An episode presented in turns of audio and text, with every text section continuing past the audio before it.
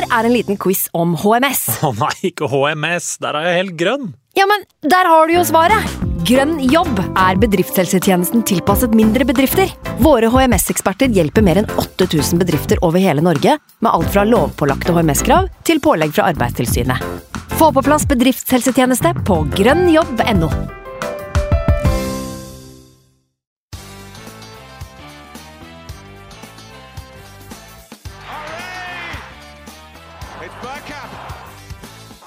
Now! The next station is Arsenal. Hjertelig velkommen skal du være til en splitter ny episode av Arsenal Station med Magnus Johansen og meg, Simen Goffeng.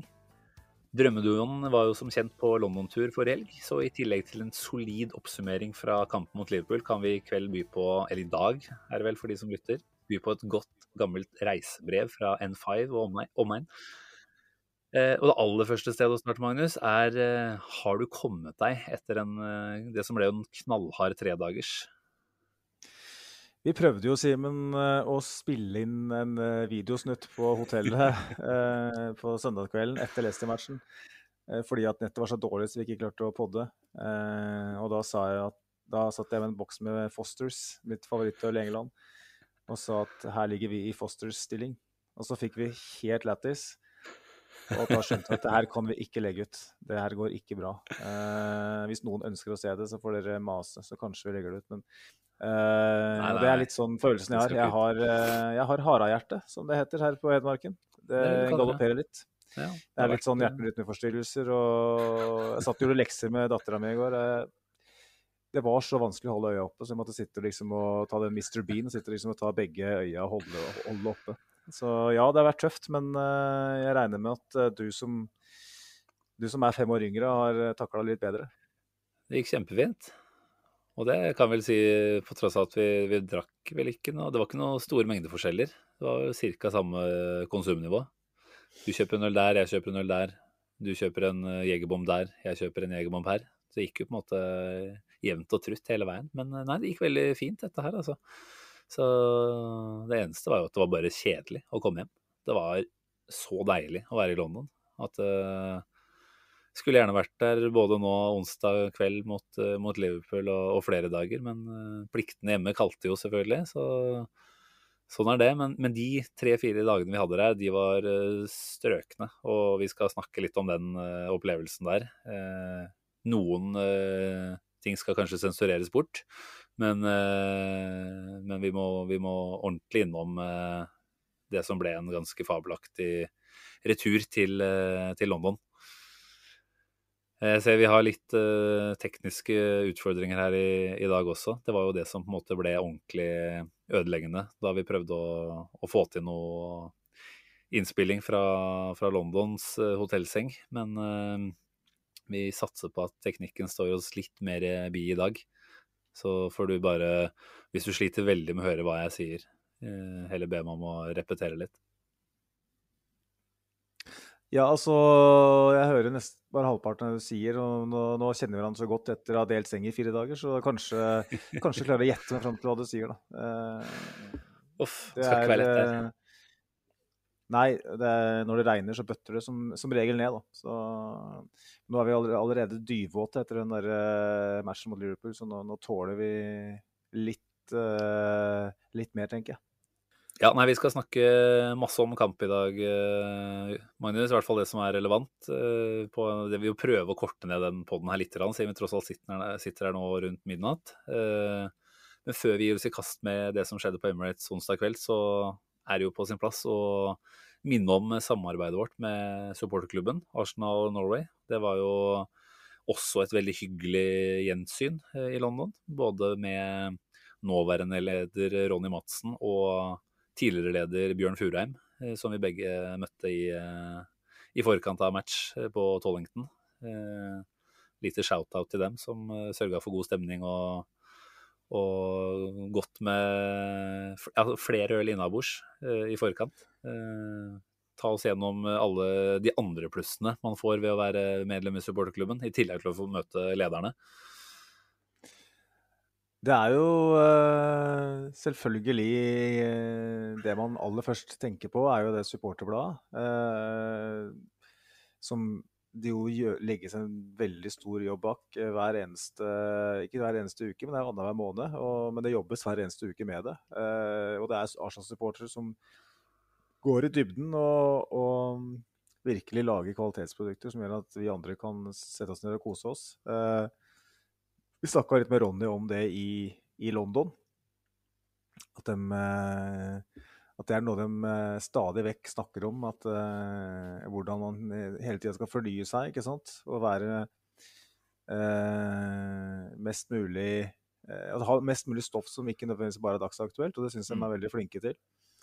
Og så har vi jo supportermøter. Det er et supportermøte, eller en samling, i, i, London i mai, foran Leeds-matchen. og det er jo noe som som jeg har jævlig lyst til, men jeg vet ikke om jeg får det til.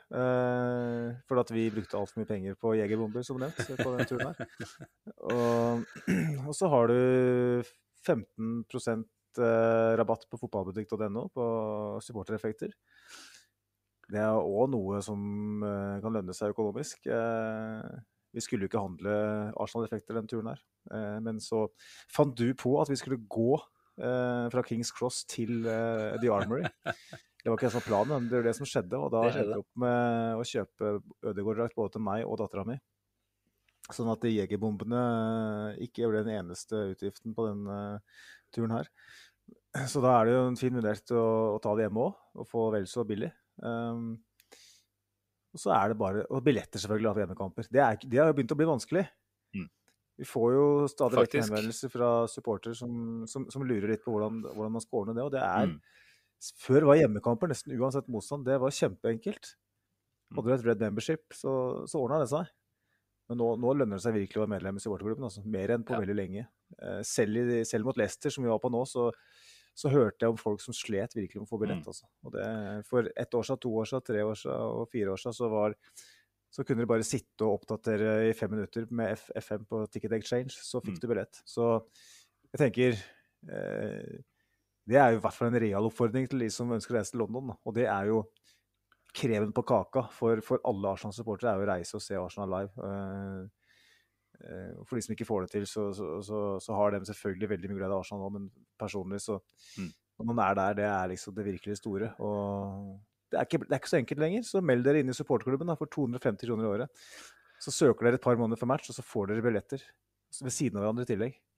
Ja, det er jo et eh, pluss, det, som ikke vi eh, fikk denne gangen. Men, men absolutt. Altså Plussene er eh, mange på, på supporterklubbfronten, og det her var eh, et godt innsalg. Jeg eh, skal ikke nevne noen navn, men vi, vi møtte jo på mange hyggelige Gunners, norske Gunners i, i, London. Og det var en som innrømte at jeg var ennå ikke blitt medlem. Så, så vi, vi, oppfordret han også veldig innstendig om å Nei, nå er det på tide. Jeg tror han nikka anerkjennende til det. Så hvis du lytter her, så, så, er det nok en oppfordring om at det er en, eh, en veldig liten uh, sum, tross alt, da, i, i, den store sammenheng å avse for noe som har, har, ganske så stor verdi på mange måter. Så bra. Men da tenker jeg vi kan hugge tenna i Liverpool-kampen, som ja, for så vidt kanskje ikke var så veldig, veldig innholdsrik, men uh, en del momenter hvor det er uh, verdt å, å, prate en del rundt. Uh, vi kan jo starte med det aller første, Magnus, som jo var lagoppstillinga, og der var det vel null overraskelser.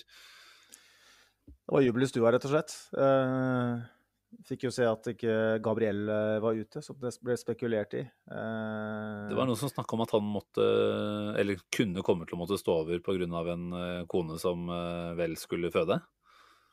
Det stemmer. Ja. Og det er vel godt verifisert gjennom bilder på Instagram av gravid mage osv. Så videre, sånn at det, det, det, stemmer nok, det. Og mm, vi har jo ikke vi har jo ikke så mange alternativer, egentlig. Eh, Rob Holding er jo en, en OK stopper, men eh, til å stå høyt og, mm. og, spille fotball på den måten som vi gjør i dag, så, så føltes det som en viktig greie. Eh, nå var ikke Gabriel god i dag, men det kan vi ta, ta etterpå. Um, Og så var jo Salah ute for Liverpool, da.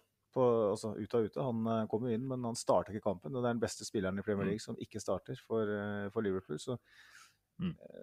Den, den troa som man sånn, sånn, sånn eh, umiddelbart får før en kamp, det er jo merkelig. Man, eh, den rasjonelle meg eh, dagen før match tenker at det her taper vi. Eh, så går det tre timer før kamp, så er det sånn jo, jo, det her kan vi ta.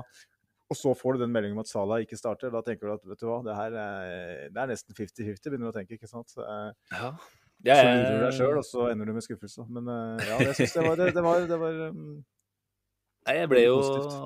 Overraska over deg, ja, som, eh, som melder her på, på ettermiddagen tidlig kvelden at uh, godfølelsen definitivt var til stede. Uh, det var vel sånn at du du var, ja, jeg vet ikke, hakket mer optimistisk enn meg, fikk jeg nesten inntrykk av der. Selv om du modererte deg litt, så, så nevnte du ordet seier.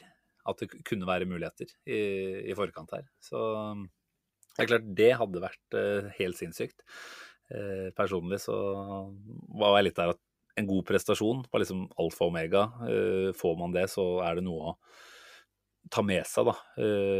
Min si, store frykt her var jo at man skulle komme sånn knallhardt ned på jorda. Bli ordentlig rundere. Og du tenkte at dette var et Liverpool som nå hadde ordentlig smaken av blod eh, i, i munnen etter at City da ga fra seg poeng mot eh, Palace. Ser at her er det en alle tiders mulighet til å komme helt opp i ryggen eh, i den flyten de er i, med den erfaringen ikke minst da de har fra å spille slike viktige kamper. Det er vel en stamme i det laget her som har nå holdt på i tre-fire år, omtrent uten spillerbytter, hvor du liksom absolutt har de, de største kveldene på CV-en, da, og de har eh, positive erfaringer. Så det er et lag som definitivt uh, veit å få jobben gjort, da. Men eh, ja, nei, din optimisme den, eh, den smitta jo også enda litt mer over. Og, og det, var, det var grunn til å være optimistisk òg, når vi ser hva vi, hva vi byr på i dag. Altså, med unntak av denne ørlille intense starten fra, fra Liverpool, hvor de vel har tre cornere på rappen. Van Dijk har en ganske solid heading som Ramsdale for så vidt redder komfortabelt. Så er det jo en eh, ja, fullstendig jevn førsteomgang, eh, sånn som jeg ser det. Hvor vi til tider klarer å styre ganske mye av ballen, egentlig.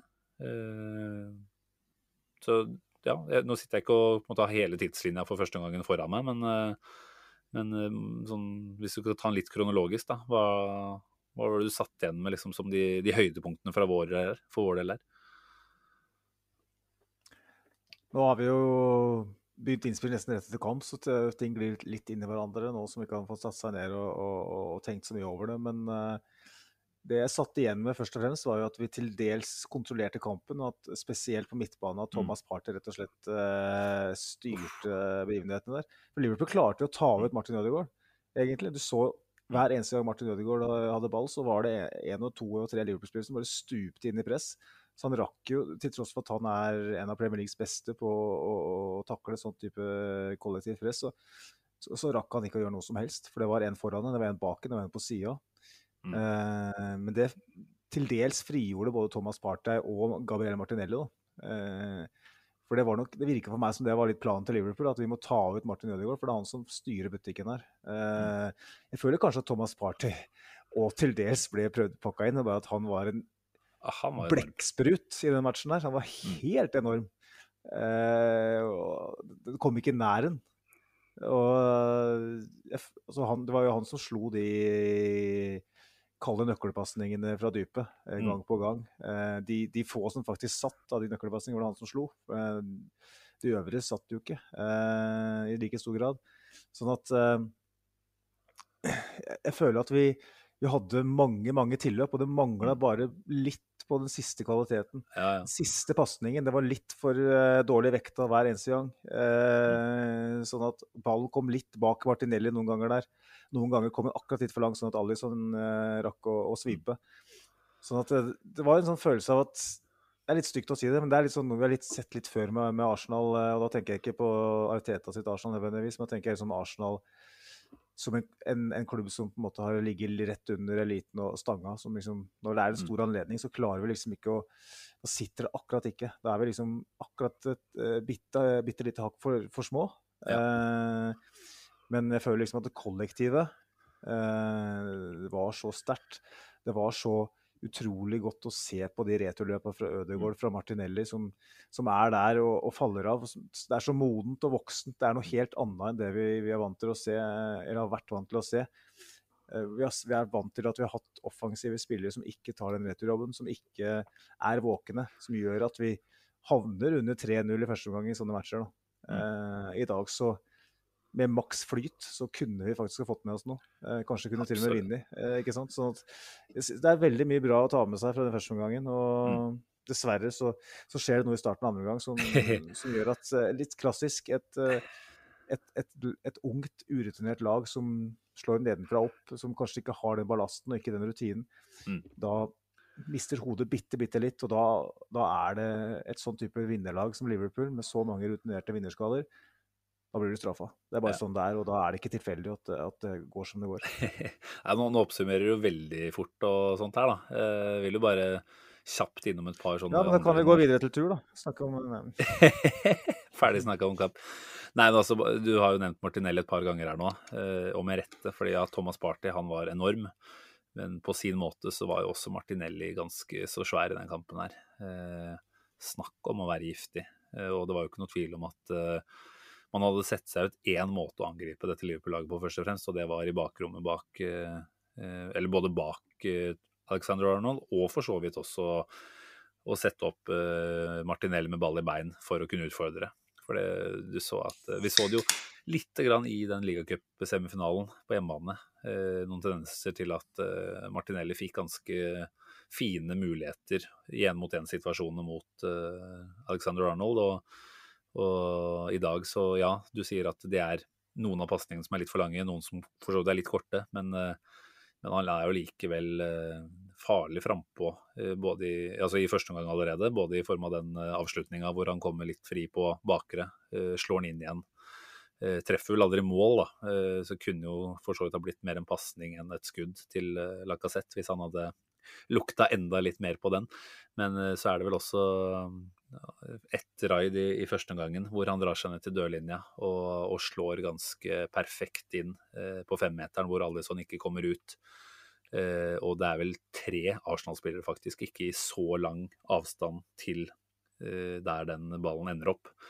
Eh, Martinelli var allerede fra første stund sinnssykt god i den kampen her. Eh, selvfølgelig så er det ikke alt som eh, som ender opp med å bli produktivt. Eh, men, eh, men, det var ikke noe tvil om at dette, dette var angrepsvåpen nummer én i dag.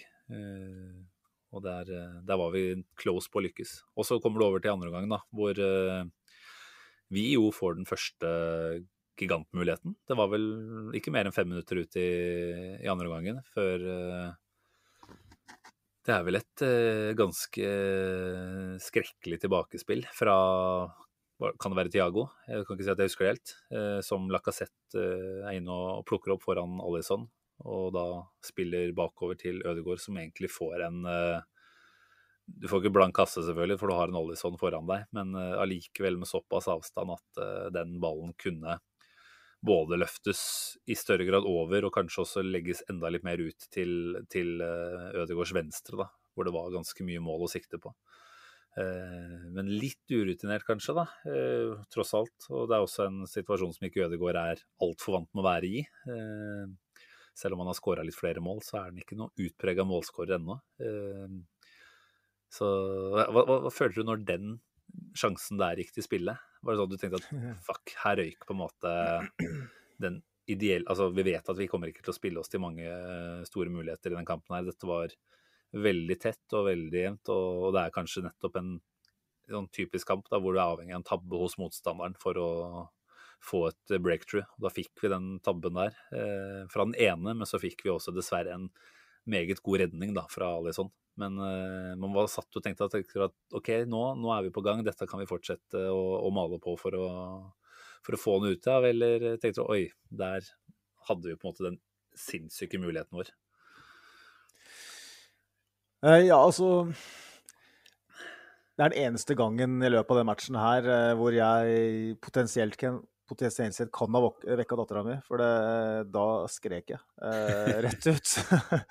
fordi, fordi at eh, jeg, jeg, jeg, jeg tenkte jo at når Rødegård fikk den ballen, nå sitter han, tenkte jeg. Eh, for han fikk jo litt tid der, tross alt. Og um, det var en del garn å, å sikte på, men eh, men det er som du sier, da, man føler jo at det var muligheten. Det er jo, det er jo litt sånn at uh, i de toppkampene så er det sånn For, Arsenal, for oss som Arsenal-supportere uh, fram til for noen måneder siden, så var det sånn vi følte i hver eneste kamp. Uh, så det var litt sånn, en sånn følelse man kjenner veldig godt. At hvis man ikke setter den store, den ene, i en sånn type kamp, Mm. så, så blir man straffa. Og det, er- som, jeg, som jeg vel nevnte, så så føles ikke, føles ikke så veldig tilfeldig heller da, at Alison da er oppe og tar den. Eh, Alison var eh, kanskje nesten den største forskjellen på laget i dag, spesielt med tanke på hva Ramsdale gjør etterpå. Eh, og det er de øyeblikkene der, da. De små, små øyeblikkene. Man føler at man er så nær, men så er man så likevel så langt unna på et vis eh, motstanderen i en Mm. sånn type fase. Så- Ja, det tok vel ikke mer enn eh, to-tre minutter, egentlig, før eh, denne nevnte Ramsdale-involveringa fant sted. Eh, det var vel igjen Tiago da, som spiller en ganske god ball gjennom eh, andre veien denne gangen.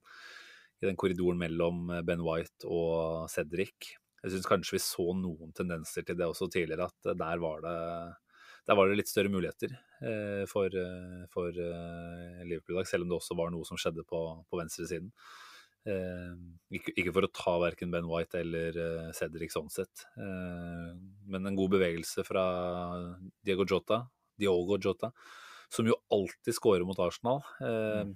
får jo ballen relativt langt ute til venstre. Altså den vinkelen han skyter fra, er jo ikke sånn i utgangspunktet heller eh, kjempegod. Men når eh, Ramsdale da står litt for eh, dårlig plassert i målet, eh, ikke dekker førstestolpen sin, eh, kun får en litt sånn halvslapp lanke på, på avslutninga, da går den faktisk inn på første stolpe. Og, og som du sier, det er den tydeligste forskjellen på laget i dag. da. En keeper som i andre enden rett og slett redder det som er et, egentlig en mye større sjanse. Eh, ikke at jeg har sett på XG-en, men jeg vil jo tro at Ødegaards mulighet er betraktelig større eh, sjanse på å score på. Eh, Den, eh, den Ramsdale slipper hun der, den, den ser vi egentlig veldig sjelden at går inn på det nivået her. Mm. Så så er det på en måte litt fristende å tenke at denne kommer jo kun fordi Altså, Ramsdale er en god keeper, og den kommer kun fordi han er litt høyt i toppen til tider. Kanskje også i, den kampen her ikke er 100 konsentrert. Eh, gjør eh, en del bra, selvfølgelig, men det er noen tendenser til at han er ute og, sykler bitte litt. Så um, ikke imponerende på noen som helst måte. Det er vel lov å kalle det en ordentlig keepertabbe, rett og slett, når man slipper en på, på første stolpen. Det er keepertabbe, det er det ikke tvil om. Og vi ser jo på en måte hvorfor uh, Alison spiller i Liverpool og, og Ramsdale spiller i Arsenal. Eh, det er en som spiller for et lag som eh, kjemper om fire titler. eh, og det er en som spiller for et, lag, et ungt lag som prøver å komme seg tilbake i det, i det gode selskap. Eh, Ramsdale er den perfekte keeperen for oss. Jeg syns han har borte vært den beste keeperen i, i Premier League-sesongen. Men det er akkurat det her du vil få da, med en, eh, med en ung keeper. Eh, og unge spillere på for så vidt over hele banen. Så han ble rett og slett tatt på senga der. og Ja. Eh, Han forventa ikke den, og det, det burde, burde han ha gjort. Uh, Dio Jota er en ekstremt smart uh, spiller i, i, i boks. Han, han kan avslutte med alle kroppsdeler. og uh, ja, han, han er en sånn type som, som dukker opp der du minst aner det, og gjør det du minst aner hele tida. Han er Ja. veldig uforutsigbar. Mm. men, men det er liksom urutinert å, å stå så på feil fot at man slipper inn i nærmeste. Da. For at, med tanke på vinkelen spesielt, da, når han Mm. da drar til med venstre, da, hvordan skal han klare å få den da i, i noe annet sted enn det nærmeste? Eh, I så fall så må du en sånn lykketreff fra helvete. At du treffer på utsida, så skrur rundt eh, og blir en Roberto Carlos-skru nesten. Så det, det var svakt. Og du så jo til og med at Ramsdale ble litt prega for en gangs skyld. Eh, man hadde en, eh, en stygg feil rett etterpå hvor han Mm. holdt på å lage trøbbel igjen. Så Stemmer. Sånn Men jeg, jeg er ikke redd for at han, Han var- ikke kommer til å, å, å lære av det. Nei da. Nei da. Nei, og jeg tenker igjen, altså, hvor var alle sånn i en alder av 23? Han eh, I beste fall sleit han vel benk i Roma fortsatt. Eh, men det er ikke sikkert han hadde kommet seg dit engang. Så man må ta alderen med i betraktningen her. Og er det noe vi på en måte har innstilt oss på, at, eh, så er det at denne, dette laget her må lære på jobben, rett og slett. Eh, akkurat som Arteta har måttet gjøre det, så må også spillerne det. Og nå har det vært eh, egentlig nesten eh, ja, imponerende stabilt, da, rett og slett. Det vi har vist over en lang, lang periode. Eh, Så det er i disse absolutte toppkampene, eller kampene mot de absolutte topplagene, så er det jo enda mindre marginer som avgjør. Eh, Og da, da er man i enda større grad avhengig av at eh, absolutt alt funker. Så når de små marginene både da går i vår disfavør, i Ødegaards tilfelle og i Ramsdales tilfelle, for det er jo, det er jo et touch på ball fra begge keeperne, men i det ene tilfellet så er det akkurat nok, og i det andre så er det akkurat ikke nok, dessverre. Mm. Eh, og da gikk det vel ikke så veldig lang tid før eh, mål nummer to lå inne heller. Nå var det vel dobbeltbytte rett etterpå med både Sala og Firmino inn, da. Eh, bare for å liksom Ja, vi har, vi har litt å hanske med, hanskes med i dag. Eh, Firmino også, som jo har for vane, dessverre, å, å golle mot oss. Eh, det tok ikke mange minuttene før han gjorde det. og igjen så er det litt sånn derre Skal ikke si at det er urutinert, for det er jo først og fremst eh, etter at eh, Liverpool har kommet seg gjennom på vår venstre side og eh, Firmino slår inn foran mål, så får vi ballen ut. Saka blokkerer vel et skudd, løper ut mot krittet for å klarere, da, og så går jo den klareringa da rett i ryggen på Robertson, og de er jo selvfølgelig veldig heldige med at den bare da detter ned lenger ned på banen. Han kan ta den med seg inn. Og foran mål så har vel da Firmino litt eh, altså imponerende bevegelse. Han har løpt seg fri fra Gabriel, da. Eh, kommet seg akkurat foran Ramsdale og får pirka den over streken. Og, og da var det game over. Satt vel og følte på, rett og slett. Da følte jeg at det her kommer til å bli mer enn to. Eh, fordi at eh, man, man tenkte at nå nå har vi på en måte lagt til rette for at Liverpool kan gjøre det samme mot, oss som de gjorde forrige gang. Eh, men Mm. de tok litt foten av pedalen, Liverpool. Eh, de har et tett program. og i tillegg så, så gikk lufta ut av, ut av ballongen for vår del også. Vi, vi tok ikke den der klassiske Nuno Tavares Ikke klassisk, det er stygt å si. Unnskyld, unnskyld Nuno Tavares. Eh, Men den Nuno Tavares fra Anfield da, som bare fortsatte å, å, å, å gjøre feil. Da. Vi, Mm. Vi lærte litt av det denne gangen her, heldigvis. Vi, for all del, vi kunne slippe inn flere. Bane White hadde en, eh, et raid der som uh, var helt unødvendig. Eh, vi applauderer ham jo for å prøve sånt, men uh, jeg tenker jo at på en sånn fase så så prøv å på en måte ikke gjøre det til en sånn der, selvtillitsknekk. da. 0-2 med heroisk innsats og masse jubel fra tribunene. Ikke jubel og jubel, da, men masse støtte fra Støtte, tribunene etter match. Mm. Ja, nei, jeg Det tenker gjør at man kan eh, gå inn i neste, neste kamp med, med samme, samme tro og til dels samme vind i seila. Mm, mm. Ja da, det er ikke noe som på en måte setter oss veldig langt tilbake. Selvfølgelig litt poengmessig i forhold til Tottenham, dessverre, da, som også vinner bort mot Brighton. Som jo gjør at den eh, differansen er vel da nede i tre poeng og kun én kamp mindre spilt for vår del. Men eh, det trenger ikke å bekymre oss altfor mye om akkurat eh, nå. Eh, jeg syns jo også i andre omgang så er det gjennomgangsmelodien at det er på vår venstre side mesteparten skjer. Saka har ikke helt dagen og blir vel tatt av midtveis i andre omgang ca. Om det er litt seinere, kanskje. Eh, Men det er også da i andre omgang at eh, Martinelli måte, er vårt fremste angrepsvåpen. Og har spesielt ett spes altså det ene raidet hvor han får ballen ute til venstre. Ikke noen sånn kjempefarlig posisjon, men uh, dribler seg litt fram og tilbake. Eh, Ender vel opp med å ta en luke på Henderson når han drar seg videre ned mot dørlinja. Finter seg forbi én til. Eh, og får jo slått den 45 ut. Det er vel Ødegaard som er nærmest, eh, dessverre. Eh, eller ikke dessverre, men eh, kun, ja, kun at eh, det er han. Eh, igjen har jeg ikke lyst til å ta Lacassette fordi han beveger seg mye, og du kan for så vidt si at han skaper rom for andre inn i feltet der. Men jeg, har, jeg satt jo et par ganger i, i dag og tenkte at OK, har du en enda giftigere spiss som kanskje linker opp enda bedre med disse situasjonene her, da, så, så lukter du akkurat hvor den ballen eh, må bli slått inn, rett og slett. Da. Og så kriger du deg foran. Altså, jeg skal absolutt si at Lacassette kriga godt i mange dueller i dag. Eh, eh, hvor, hvor, han virkelig brukte fysikken sin. Men eh, satt liksom igjen og følte at ok, det er et killerinstinkt som mangler da, for å få den jævla ballen i mål. Eh, når eh, det er tilløp til gode innleggsmuligheter. Så så har jo også Martinelli en kjempestor sjanse selv.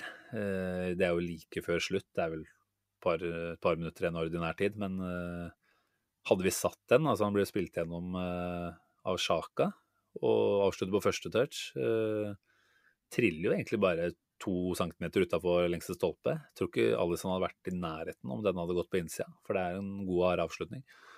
Mm. Synd at vi ikke får den, både fordi jeg syns prestasjonen vår i dag er ikke en 0-2-prestasjon. Jeg syns ikke vi er to mål dårligere enn Liverpool. Definitivt ikke. Hadde vært godt å, å skåret på mange måter, og selvfølgelig hadde du fått den der like før slutt, så, så kunne man virkelig ha kasta alt inn og hatt et håp da, om å få med seg noe Altså et poeng, faktisk, i den kampen, men, men sånn blei det ikke. Eh, 0-2.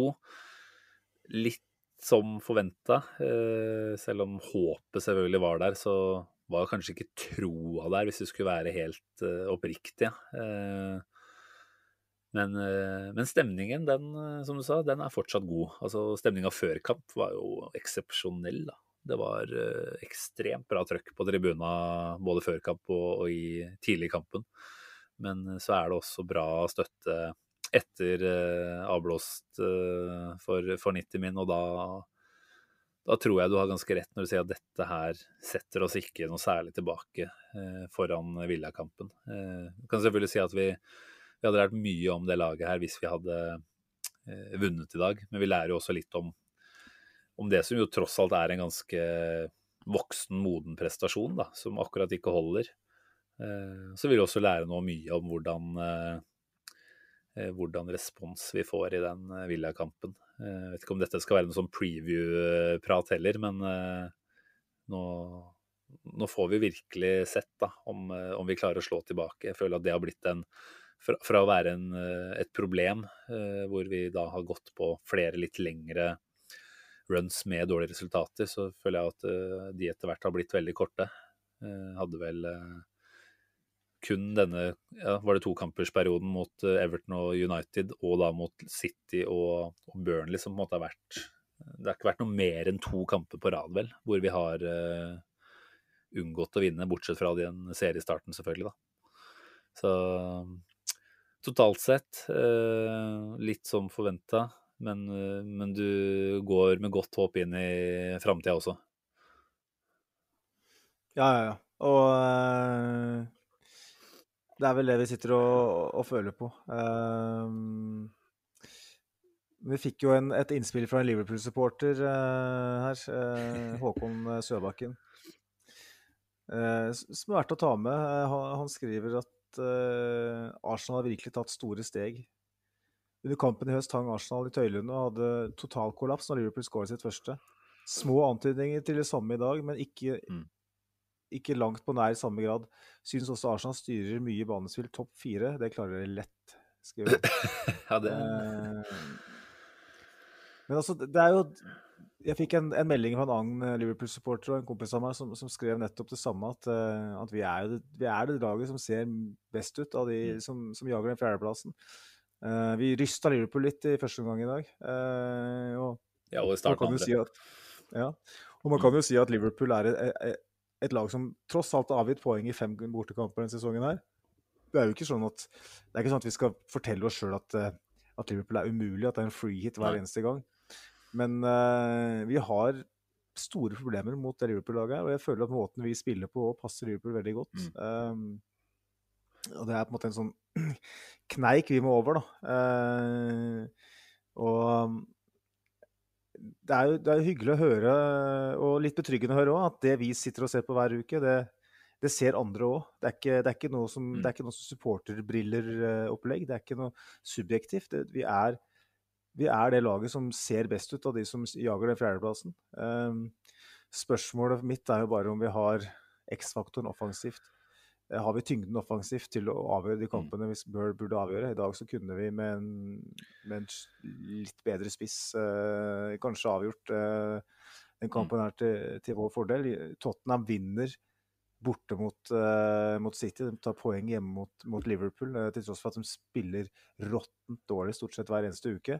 For at de har de derre uh, angrepsvåpnene, ikke sant. Mm. United har Cristiano Ronaldo.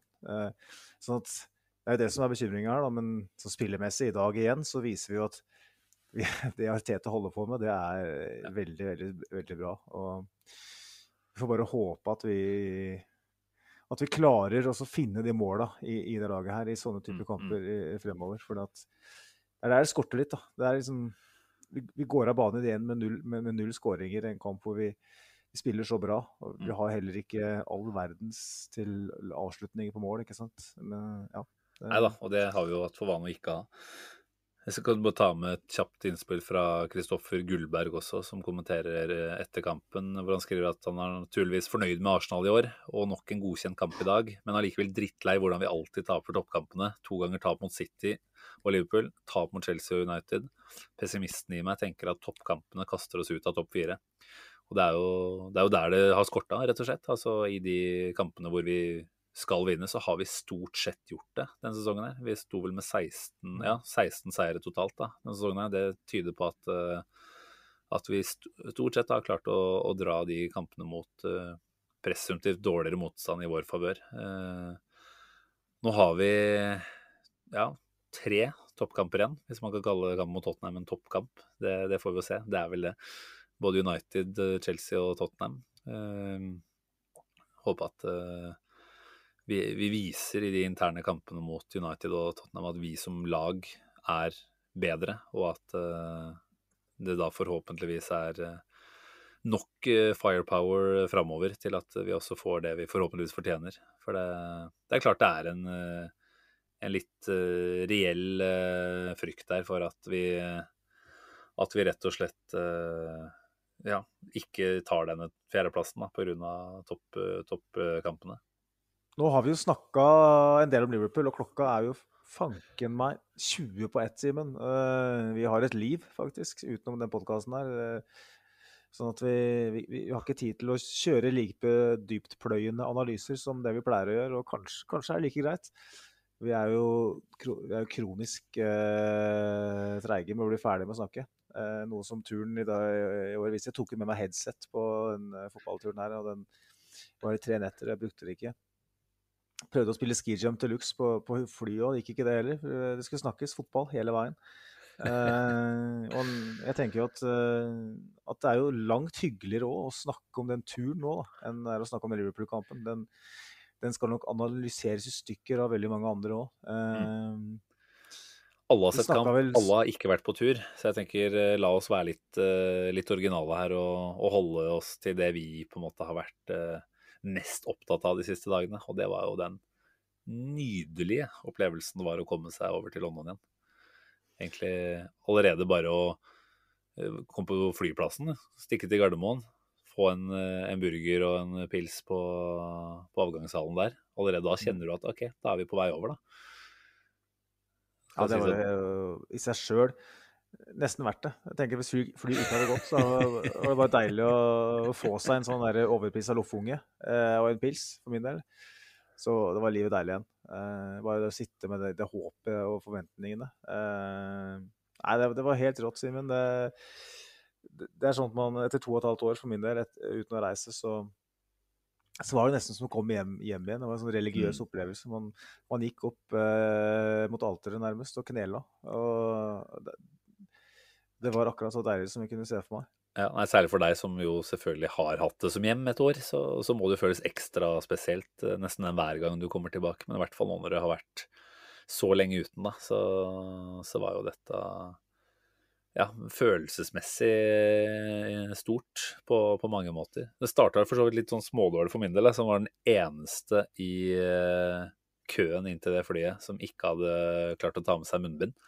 Det var uh, småflaut når uh, absolutt alt stoppa opp og det ble meldt høyt.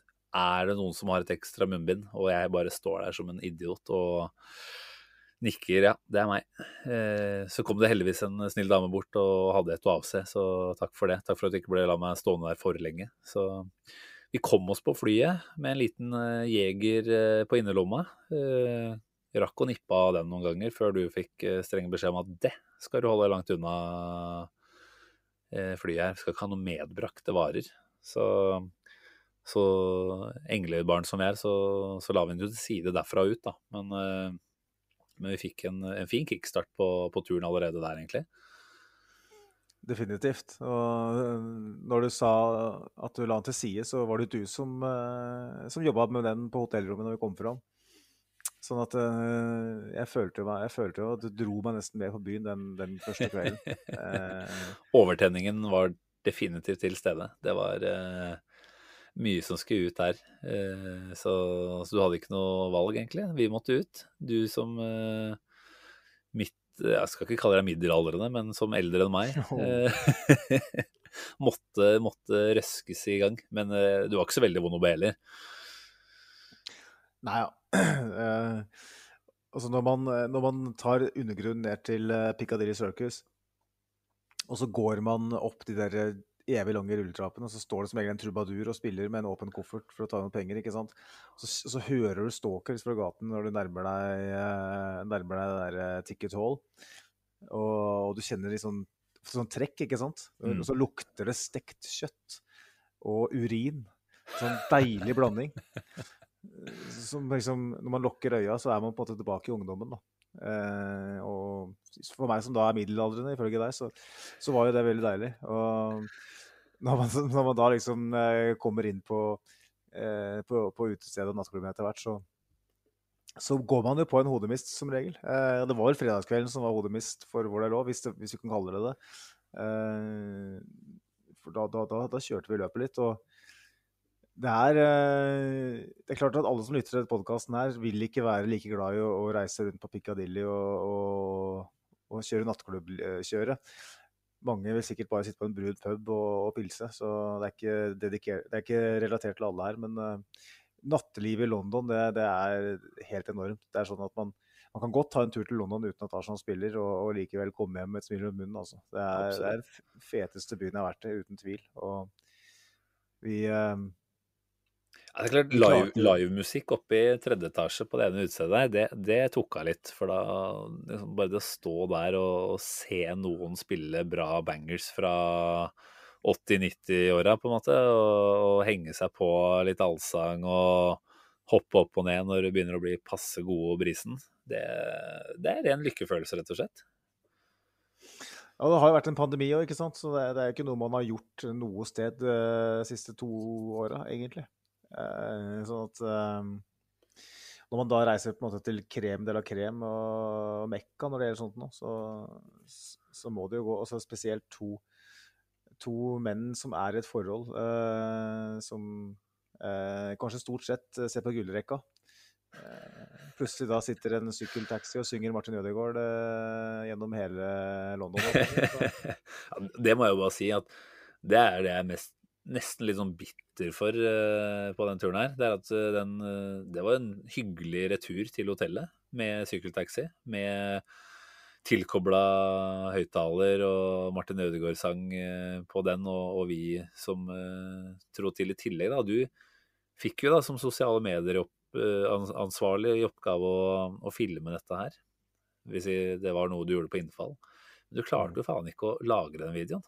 For der tror jeg vi hadde snakka en liten eh, viral hit. Altså hvis, eh, hvis du hadde hatt eh, nok kontroll over telefonen til å bare trykke på den ene knappen og fått lagra den videoen. Da hadde vi vi har, vi har jo lagt ut litt fra den helga her. Det ble ikke så mye som vi hadde tenkt, og det er kanskje like greit, egentlig. Det var jo stort sett en øl her og en øl der det gikk. Så har du sett ett bilde, så har du sett alle. Men akkurat den videoen der, den hadde, hadde blitt fin, altså. Så der er jeg litt skuffa over deg, rett og slett. Så uppe gamet litt. Jeg tenkte på double cheese eh, fra Mækkern.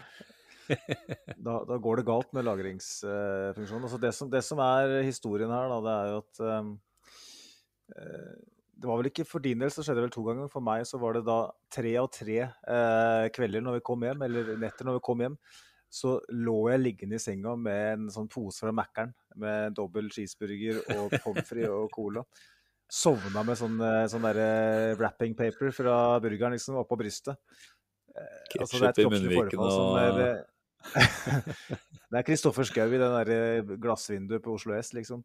Det er, det er et forfall uten like. Uh, og det er så deilig. Og jeg vet jo at jeg har jo I dag så har jeg spist uh, tunfisk og egg til middag, men du har jo røket på en dobbel cheese allerede, har jeg hørt. Så det her, det her lover jo ikke bra.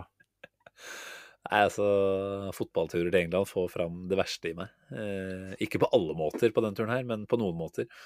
Eh, og, og dette var en av de. Skulle jo helst ha unngått det, for det er klart med mange tosifra antall eh, enheter, eh, i tillegg til eh, mye drittmat, så, så er det hardt å komme seg eh, i etterkant. Men det er jo ikke det jeg sitter igjen med, og der og da så var det verdt det. Så, så da tenker jeg at det får være greit. Eh, så var det sikkert ikke noe vakkert syn hvis noen på hotellet hadde kommet inn og sett oss liggende på den litt sånn småslitne og ganske smale dobbeltsenga under samme dyne med burger og pils liggende ved siden av.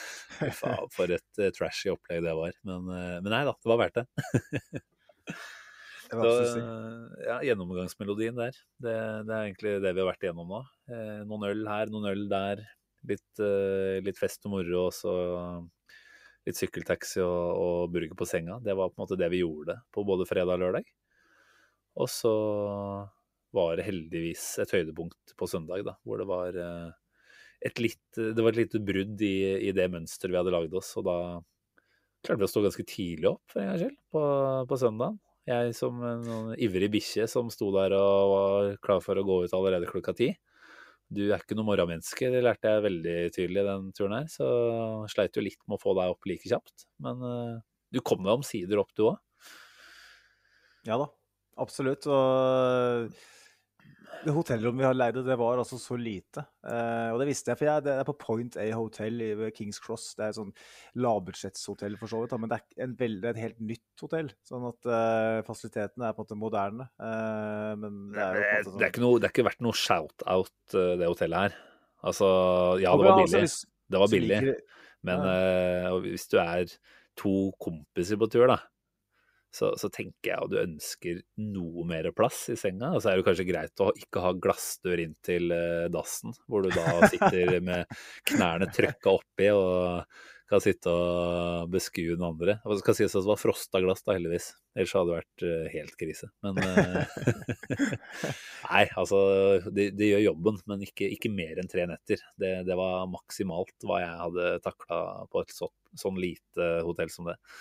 Ja, men altså, det, For meg så var det nok, for at jeg kunne ligge altså, altså Når du kom på hotellrommet, så måtte du nesten gå og begynne å krabbe inn til senga med en gang. Og så, så har du en TV på veggen, og den ligger perfekt, sånn en liten TV som, som perfekt eh, synsvinkel, sånn at du slipper på en måte å, å gjøre noen sånn strabaser for å, for å få det beste, beste perspektivet. Så hadde jeg et lite bord på venstresida der jeg lå hvor jeg hadde plass til en sånn Mækkern-pose, plass til passet mitt og lommeboka og en, en flaske med brus og en øl. Og så, og så I tillegg så var, så var det mulighet da å liksom bare Det var så nære at jeg bare kunne grabbe etter burgeren. da. Kunne bare liksom løfte hånda, der var burgeren. Da er jeg jævlig fornøyd. Det, det, det, det kan ikke bli det. Det kan liksom ikke Og så mister du én ting på gulvet, så, så, er det, så er det allerede så rotete at du får øh, du, Så det er så lett å rydde òg, ikke sant? Helt nydelig. Perfekt. Eh, men nå snakker vi ekstremt mye om sånne ting som ikke har noen ting med. Arsenal London å gjøre. For det er folk som hører på podkasten her, vil ikke høre om at vi driver og spiser burger i senga. Jeg tenker at Det vi hører om, er opplevelsen vår fra, Ja.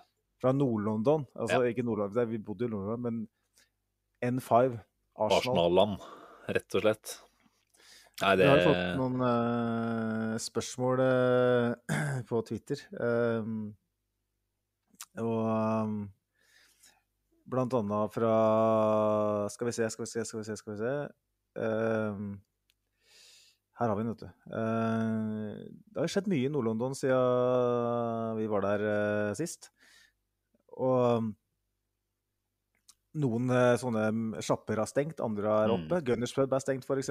Det er jo Trist. Kjempetrist. ja, det er jo som en eh, kirke som brenner for mange. Eh, men jeg har fått et spørsmål fra Jonas at eh, Jo Clay på, på Twitter. Eh, hvor spiser man før kampen, nå som Pyberry Corner er Mm. lagt ned? Finnes det en verdig avtaker? Ja, altså jeg skal ikke si at jeg kjenner uh, Islington uh, så veldig godt. Uh, men, men, vi visste jo hvor vi skulle spise sein frokost på søndag, i hvert fall. Det var for så vidt ikke så altfor mye tvil om. Vi tura jo ned på Little Wonder Café, rett nedafor Emirates-trappa.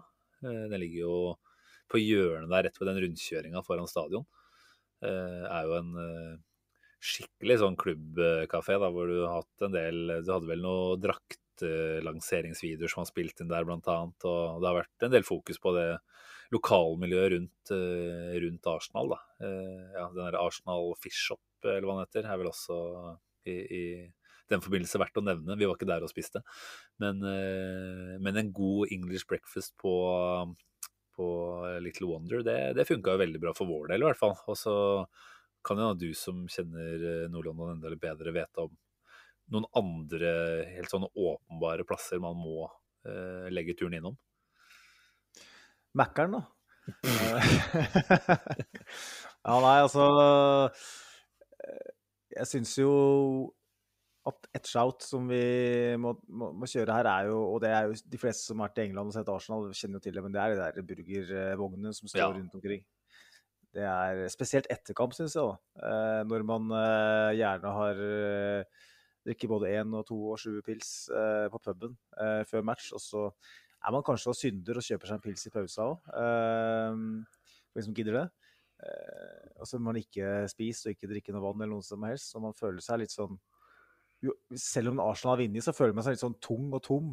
Eh, så hvis man da er rasjonell, så tenker at hva trenger man? Jo, man trenger jo selvfølgelig en, uh, en matbit. Uh, gjerne en, en, flaske brus. Da, og da, mm. da, er det helt nydelig. Jeg vet han fyren som Jeg vet ikke om han er der lenger, for nå har jeg ikke vært der på to og et halvt år. For jeg gikk jo en helt annen rute ut fra stadion før. Men når jeg gikk til The Gunners pub før, så sto det jo en kar um, i en sånn klassisk sånn burgervogn uh, på vei rett før du går opp, eller ut fra stadion mot Highbury Hill. Uh, og han jeg vil si at han har jo helt åpenbart fått fyken. For det, det er ingen som har spytta mer i maten enn han noensinne. Uh, etter pandemien så, så, er det jo helt umulig å bruke han. Uh, han, sto, han, sto jo, han, var jo berømt for så vidt i miljøet, for han sto og skrek sånn derre Hello, Colonel! What do you want on your fucking burger? Så, sånn der, ok. Eh, så står det liksom at det kom liksom en kilo slim da, ned i den løken i burgeren. Sånn at du trengte ikke dressing. Eh, men jeg likte å spise der likevel, da.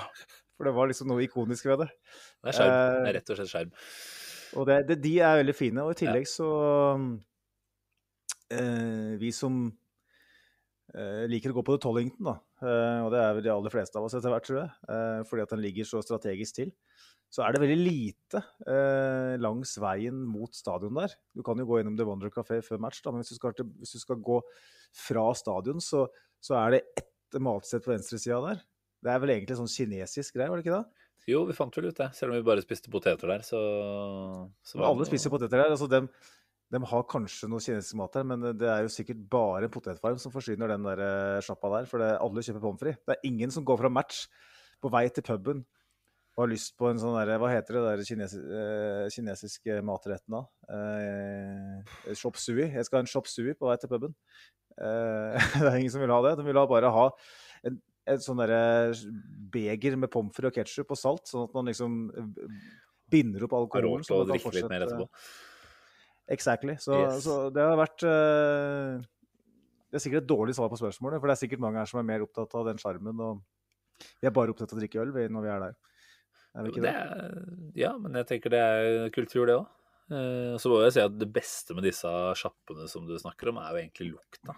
Altså mer enn smaken. Altså idet vi traska oppover inn i Arsenal Station, da, som vi jo selvfølgelig måtte hoppe av på.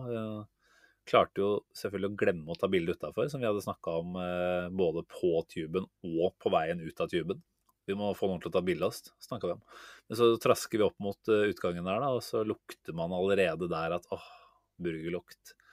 Og så når du kommer ut og ser, uh, ser uh, de kjente bygningene som du alltid har kjent, kjent deg igjen i, og så ser på en måte Arsenal åpenbarer seg foran deg, så, så, klarte vi å glemme det. da. Så vi hadde, Det var ikke mange jobber vi hadde på den turen, her, men det å ta bilde utafor Arsenal Station, det følte vi jo var, var en av de. Men uh, der kom rett og slett den der uh, feite, gode burgerlukta oss uh, og, og, spilte oss et puss, altså.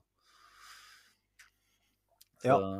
Nei, men, men, god mat og godt drikke er åpenbart viktig på, på fotballtur.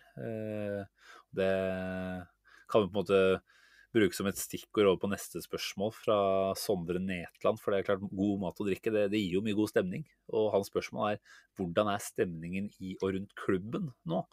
Er den like bra som vi føler på her hjemme? Og, og det kan vi jo snakke litt om, for det vil jo generelt si at på pub før kamp så er det kjempestemning. Altså folk er litt sånn uavhengig av hvordan det går med Arsenal, klar for å ha en hyggelig dag uansett. Da. Eh, jeg vet ikke om du som måte har vært der gjennom en hel sesong, vil si at det, det preges veldig av resultater. Men, eh, men, vi dro på Tollington. Der var det god stemning. Litt mindre synging kanskje enn det jeg hadde håpa på, men du følte allikevel at her er det en, en gruppe supportere som går og, og, kjenner på at det er gode dager og enda bedre tider i vente, kanskje. Eh, mm. Så ble jo stemninga for vår del enda forhøya litt av at vi møtte mange norske fantastisk hyggelige Gunners. Altså både, mm. både de vi nevnte tidlig i sendinga her, eh, Ronny og, og, Bjørn, da, eh, som jo var over. Men også andre norske supportere som både har tatt kontakt gjennom poden, og det er jo kjempekoselig at dere lytter på og da reacher out og, og treffes på puben, liksom. Det er jo veldig kult å kunne liksom omsette en sånn her ting i å faktisk treffes og, og prate med, med, nye folk. Det er kjempetrivelig. Mm. Eh, så stemninga var fin, både før kamp. Eh, og så kan du si litt om hvordan du syns stemninga var underveis på kampen, for det, det var ikke så halvgæren den heller. Nei, du, du, merker jo at det er en endring. Eh, og nå satt jo vi kanskje litt dårlig til sånn sett. Ganske høyt på på Var det Eastland vi satt på? Eastland, ja. Eh, ja. Eh, så der vi satt, så var det ikke sånn kjempestemning. Men jeg merka at rundt på stadion generelt så var det en annen stemning eh, enn det har vært. Og kanskje det jeg merka det mest på nå, nå, drar jeg tilbake til puben, litt sånn som er litt klassisk meg, uten å spise. så, så føler jeg at det jeg merka det aller mest på, var de samtalene man hadde med de andre supporterne på mm. puben. For at man snakker med ganske mange da, i løpet av en eh, to-tre timers tid her. Vi snakka ikke bare med, med, norske fans, vi snakka med noen, noen britiske fans eh, mm. også. Og alle var så positive. Alle var sånn at vi er på det rette sporet. Og da er det så jævlig lett å, å, å, å ha en sånn type dialog. For vi som supportere, vi er så knytta sammen nå eh, i kraft av at vi, vi, vi, vi, tror på det samme. Vi er en, eh, en supportergruppe som ikke lenger er splitta. Vi har en unison tro på, på, den prosessen som vi er inne i. Og det var så tydelig når vi var der. For det er klart, vi har jo sittet på, på hver, hver, hver, vår tue nå i, yes. i halvannet år og vel så det. Nesten to år, faktisk. Og snakka Arsenal. Um, og vi har fått selvfølgelig masse innspill, også, men man har jo ikke møtt så mange supportere i løpet av den tida her. og det er jo litt annerledes når man møtes face to face, mm. eh, kontra når man sitter og, og, diskuterer på sosiale medier og sånn. Sånn at eh, for meg så var det en åpenbar største forskjellen var liksom eh, debatten på puben. Den var så lysbetont. Eh, og nå er det ikke sånn at det her er ikke, det her er ikke den første matchen uh, etter pandemien. Uh, det er bare for vår del. For, for de fleste som var på den puben, så, så, er det match nummer 7, 8, 9. ikke sant? Mm. sånn at alle er prega av at, at, at, man har en tro på det som foregår i klubben. Da. Og jeg anbefaler alle som, som hører på, som ikke har vært i London ennå, og har mulighet til å reise, ta, ta turen nå. Mm. Og kjenn på det. Ta det inn. For det styrker troen din enda mer. fordi at man føler at det er en fotballklubb nå som, som er på vei i, i, i rett retning. Mm. Ja, det er vel ikke til å stikke under en stol at det har vært ganske stor splid innad i den supporterunionen her. Eh, selvfølgelig så er det noen stemmer på diverse sosiale medier som kanskje tar mer plass enn det de egentlig fortjener. Eh, men det, det har vært giftig til tider. Eh, selvfølgelig på slutten av Wenger-tida og gjennom mye av Emery-æraen. Eh, og i starten av Arteta-æraen så har det vært mye gnisninger, kan man si. Da. Mange som mener mye, og det er jo naturlig, og det skal man eh, absolutt få lov til. Men, eh, men nå kjenner man jo virkelig at dette er, som du sier, noe de aller, aller fleste, de som egentlig ikke bevisst prøver å unngå å se hva vi holder på med her nå, og hva Arteta holder på med, de, de, ser at dette her er en, eh, en prosess som uh, man har kommet veldig godt i gang på nå. Uh, ja, det er ikke perfekt, selvfølgelig, men, uh, men, det er så mange gode tegn, da. Og det materialiserer seg i resultater, faktisk. Selv om de ikke gjorde det akkurat i dag, så, så er det lett å se at dette er nå en klubb som drar i samme retning, og da da, da, gjør det noe ekstra å, være supporter og kjenne på det, det samholdet og den, eh, ja, den, felles forståelsen av at dette her er, eh, er vi med på. Eh, mm. Det er liksom noe spesielt når Arsenal som klubb funker bra. Da. Altså det er klart Vi som er supportere, vi, vi, mener sikkert det. Og det gjør sikkert andre klubber om, om, sine, om seg selv også. Men det føles jo som at et Arsenal på et bra sted. Det er liksom noe enda vakrere og, og litt sånn sterkere enn de aller, aller fleste andre klubber. Det er eh, noe man eh, for så vidt nå over lang tid ikke har fått kjenne på. Og hvis vi nå skal være så heldige at vi faktisk tar dette her både videre og enda noen hakk videre, så, så er det som du sier, da er det bare å anbefale alle som ikke har vært over, og som har muligheten, eh, prøv å få til en tur på et eller annet vis. Gjøre det til en skikkelig budsjettur. Altså, man trenger ikke å legge mange tusenlapper i dette her hvis man er litt villig til å fly litt ubeleilig og, og bo ganske sparsommelig. Så, så, er det gode muligheter for å, for å ja, komme seg over og, og, få en fantastisk opplevelse. For den, den stemninga den kan du på en måte ikke forklare gjennom Eh, video og, og TV. Det, det, må du kjenne litt på kroppen. Og, og, sånn føltes det jo også på stadion. Det var, eh, det var ikke det beste trøkket jeg har vært med på på nasjonalkamp, men uh, du kjente liksom fra start at det var mye selvtillit i publikum, da, og at dette her skal vi bare ut og kose oss med fra start. Og alle Vi satt på ganske langt opp, som du sier, da, på East End, uh, upper tier, og der er jo ofte mange som ikke sier og synger så veldig. Eh, mm. det var ganske bra trøkk der oppe også, selv om min sidemann i den kampen her ikke hadde lyst til å være med å, å verken prate eller synge. Han, eh, han valgte han å ta på seg munnbindet før andre gang. Han har sittet uten første, og så har jeg liksom prøvd å Ja, hva tenker du her? Og prøve å dele litt av det man så, da. Men da responderte han altså med å ta på seg munnbindet til andre gang, så da kunne jeg vel ikke ha fått et klare hint om at jeg skal holde kjeft uh, i andre. I hvert fall til han. Men, uh, men utover det så var det, var det mange som uh, hadde mye å bidra med vokalt. Definitivt. Vi har jo synget i mange bydeler i London på denne turen her. og men det er klart at i selve, selve Nord-London, rundt Emirates der, så så synger alle fra samme hymne om dagen, og det, det, føles helt fantastisk. Mm. Jeg kan ta ett eksempel til, bare, bare på tampen. Eh, I, i fjor, foran, eller foran fjorårssesongen, så kjøpte jeg meg eh, hjemmedrakt med åtte Arteta.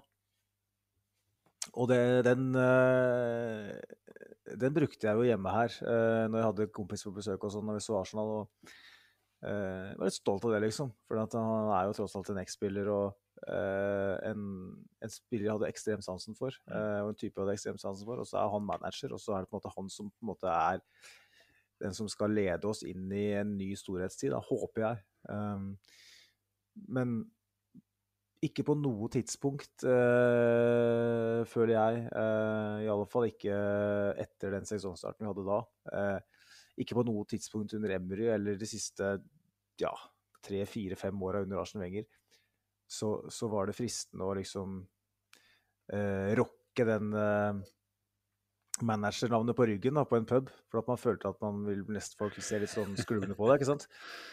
Men jeg, tok, jeg dro jo ned den jakka mi foran den, eh, noen folk. Det var ikke så veldig mange, men alle bare hei, med en gang, liksom. Mm. Jeg hadde Arteta på ryggen. Hvor lenge er det, det siden, liksom? Ja, Hvor lenge er det siden at vi har hatt en manager som på en måte har den type oppslutningen? Mm. Eh, Wenger hadde jo åpenbart det på mange, eh, altså store deler av sin regjeringstid, men man skal ganske mange år tilbake i tid altså nå, før man eh, eh, altså har en supportergruppe som står så bak manageren sin, mm. som vi står bak Mikkel Arteta nå. Eh, og det syns jeg er helt fantastisk, og det å oppleve det på puben òg. at mm. liksom, eh, for på sosiale, med sosiale, medier så vil du alltid ha de der som du nevnte, ikke sant? de som kanskje blir litt for synlige, som, som prøver å stikke kjepper i hjulene. Du vet ikke om det er Arsenal-fans engang, ikke sant? Nei, ikke sant? og som da definitivt ikke er representativ egentlig for uh, Altså si at på puben så er egentlig 100 av 100 nesten uh, pro, da. Uh, og det, det, er nok egentlig tilfellet Eh, de aller fleste steder. Men, eh, men, du har alltid noen. Eh, men da tenker jeg da får vi som kommer over det, heller bare lede litt bort og overse det. Så, så tar det mindre, mindre, plass på alle måter. Så nei, det var, det var helt ekstremt, altså. Det var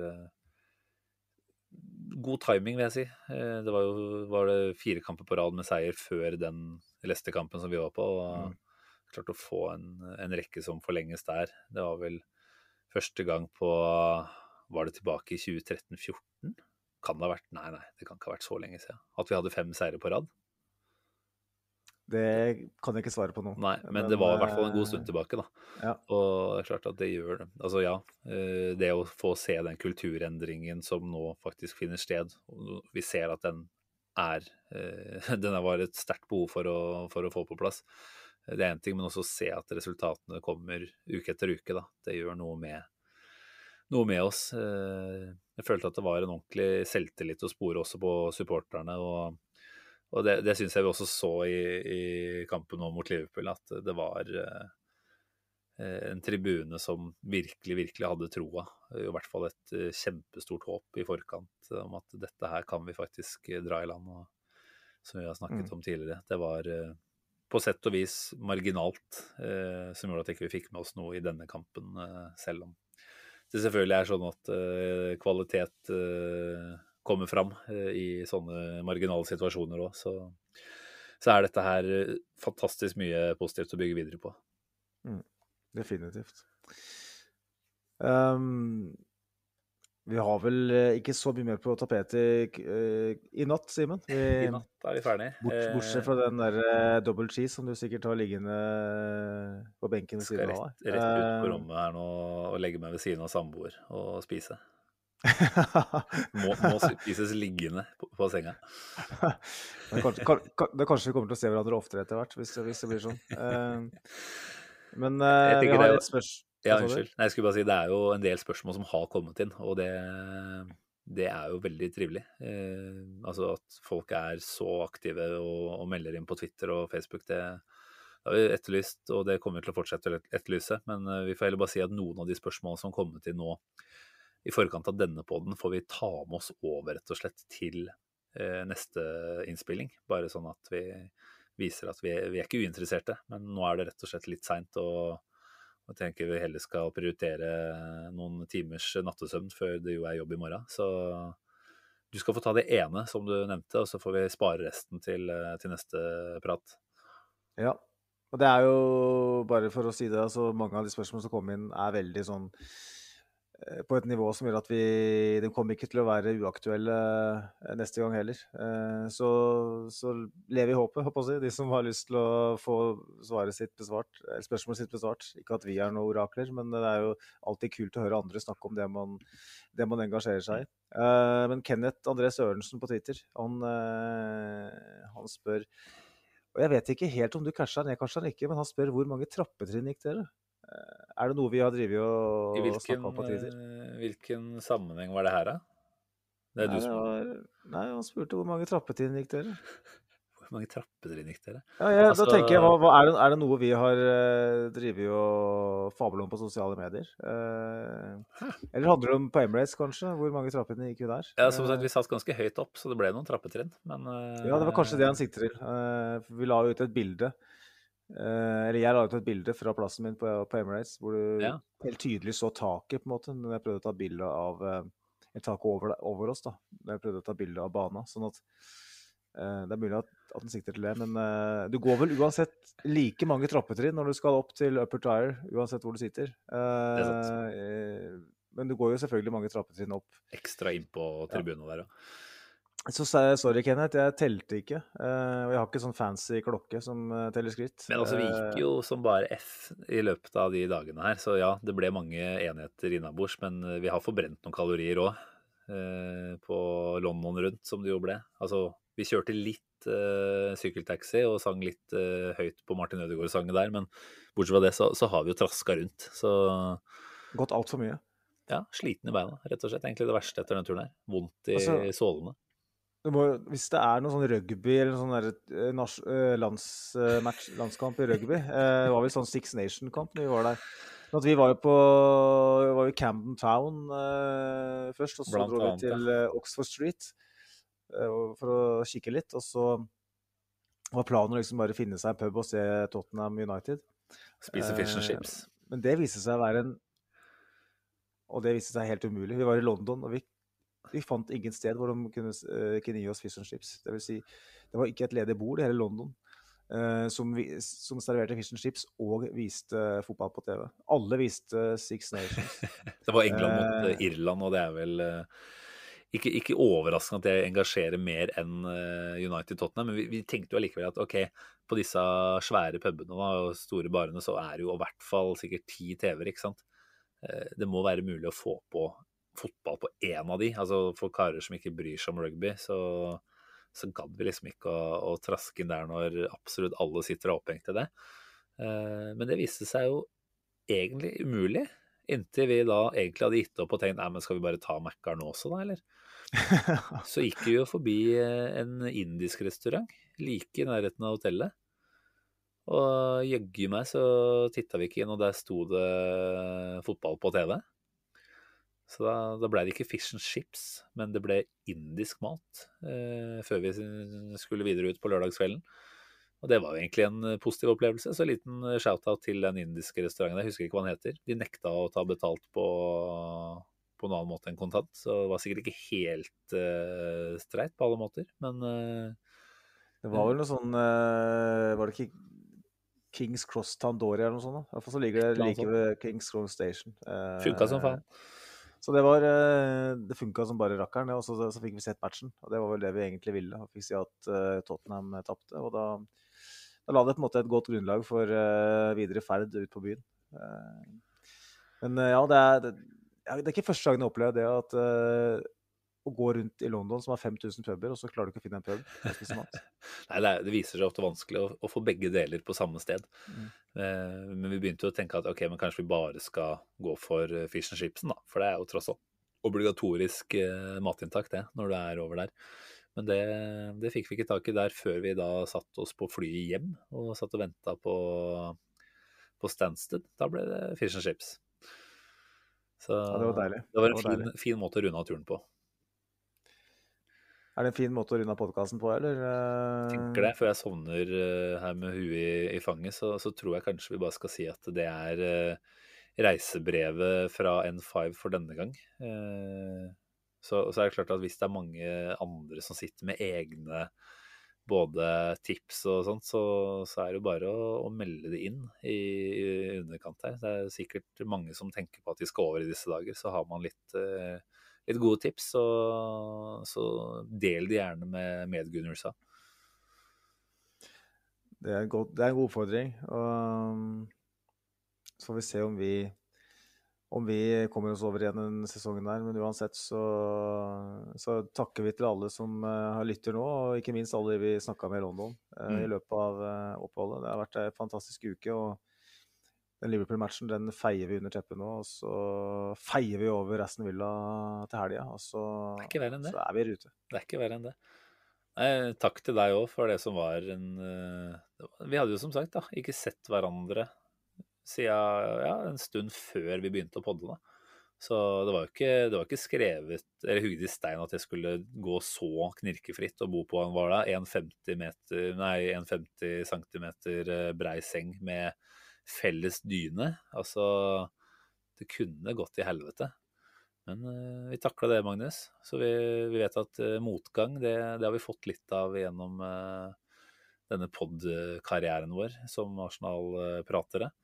Så nok, nok, en gang så viser vi at vi, vi tåler å, å, stå i utfordringer. Mm.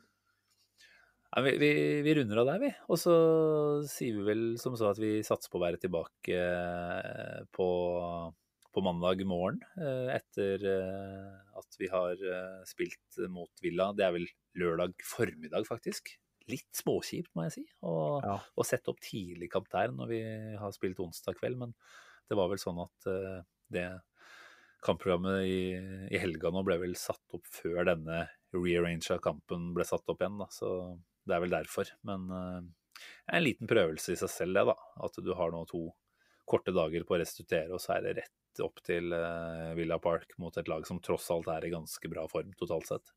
Så en ordentlig prøvelse på hva det mannskapet vårt uh, består av, rett og slett. Da. For det, jeg, jeg, tror ikke det er hengehuer etter den Liverpool-kampen her, men, uh, men, det kommer absolutt ikke til å bli lett mot Villa. Og vi veit at vi, vi, trenger å vinne i hvert fall sju kamper av de gjenstående for å, for å skulle være ganske trygge på en topp fire-plass. Ehm, og da, da, er det fort en trepoenger på Villa Park som gjelder, altså. Ja, og bare for å ta det helt til slutt. Um, Mikkel Arteta har jo klaga på, på, akkurat det her. Han har det. Uh, fordi nå ble jo den uh, Chelsea-matchen nå beramma uh, i midtuka før United-kampen ja, i april. sa akkurat det samme eh, onsdag kveld og lørdag formiddag. Mm. Og Mikkel Arteta sier uh, følgende, uh, ifølge The Mirror Thanks to the Premier League for that. It's always Arsenal.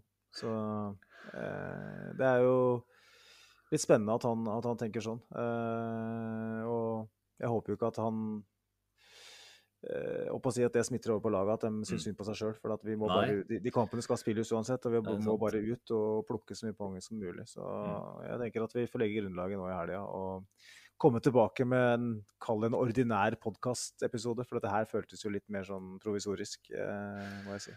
Sånn er det når man ikke får podda fra hotellrommet. Da, mm. vi, vi, var desperat på leting, egentlig, etter, etter, et nett som kunne funke. Men det er klart eh, det, det, var ikke så lett. Og når vi da attpåtil har uh, drukket litt mer enn det man bør til andre tider av døgnet, så, så er det jo ikke innafor å, å podde alt det heller. Så da måtte det bli som det ble i dag. Men da fikk vi slått to fluer i én smekk. Prata litt om uh, en Liverpool-kamp som ikke ble helt det vi kunne håpe på, men uh, greit nok. Reisebrevet, det, det skuffer i hvert fall ikke. Håper ikke det. Håper ikke, Håper ikke det. Håper ikke det blir for mye hamburger. og, og London sentrum kontra det andre. Men uh, vi uh, vi wrapper det opp, uh, Simen, og så ønsker vi vel uh, samtlige lyttere en, en, god ukeslutt. så høres vi vel da allerede til mandag, da. Det er jo ikke lenge til i det hele tatt. Det er ikke det. Det er ikke det. Og du og jeg har fått nok av hverandre, vi òg, så jeg tenker det er mer enn greit nok å, å runde her nå. Nei, men yes. uh, som du sier, tusen takk til, uh, til, deg som lytter. Det setter vi veldig stor pris på. Uh, bare fortsett med det, og bare fortsett å, å, komme med innspill. Selv om vi ikke har fått tatt med alle i dag, så, så skal vi prøve å, å, dra innom mange av de temaene og spørsmålene som dere, som dere sender inn. På gjenhør om ikke så altfor lenge. Ha det, ha det. Hei.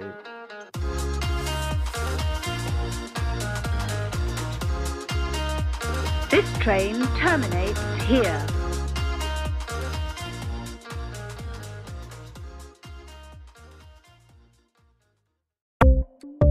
Ukens annonsør er HelloFresh. HelloFresh er verdens ledende matkasseleverandør og kan være redningen i en travel hverdag. Mange av oss har nok vandret i butikken både sultne og uten en plan for middagen, som ender med at vi går for de samme kjedelige rettene gang på gang. Middag burde være dagens høydepunkt. Som Hello Fresh kan du nå velge mellom 25 ulike retter hver eneste uke, eller få Hello Fresh til å sette sammen menyen for deg. Dette gir deg muligheten til å prøve nye og spennende retter alene eller sammen med familien. Du velger antall porsjoner og får alt levert på døren på et tidspunkt som passer for deg. Oppskriftene er enkle, og maten er lett å lage både for store og for små. Ved å få alt levert hjem får du også mer tid til å dele matgleden med familie og venner. Kanskje det frister med asiatiske tacos eller greskinspirert kylling? Da kan jeg anbefale deg om å gå inn på hellofresh.no. Her kan du bruke koden FOTBALL og få opptil 1779 kroner i rabatt på de første fem matkastene hvis du ikke har prøvd Hello Fresh tidligere. Du kan også bruke rabatten hvis du har vært kunde og stoppet abonnementet ditt for tolv måneder siden eller lengre. Gå inn på hellofresh.no og bruk koden FOTBALL. Har du et enkeltpersonforetak eller en liten bedrift? Da er du sikkert lei av å høre meg snakke om hvor enkelt det er med kvitteringer og bilag i fiken, så vi eh, gir oss her, vi. Fordi vi liker enkelt. Fiken superenkelt regnskap.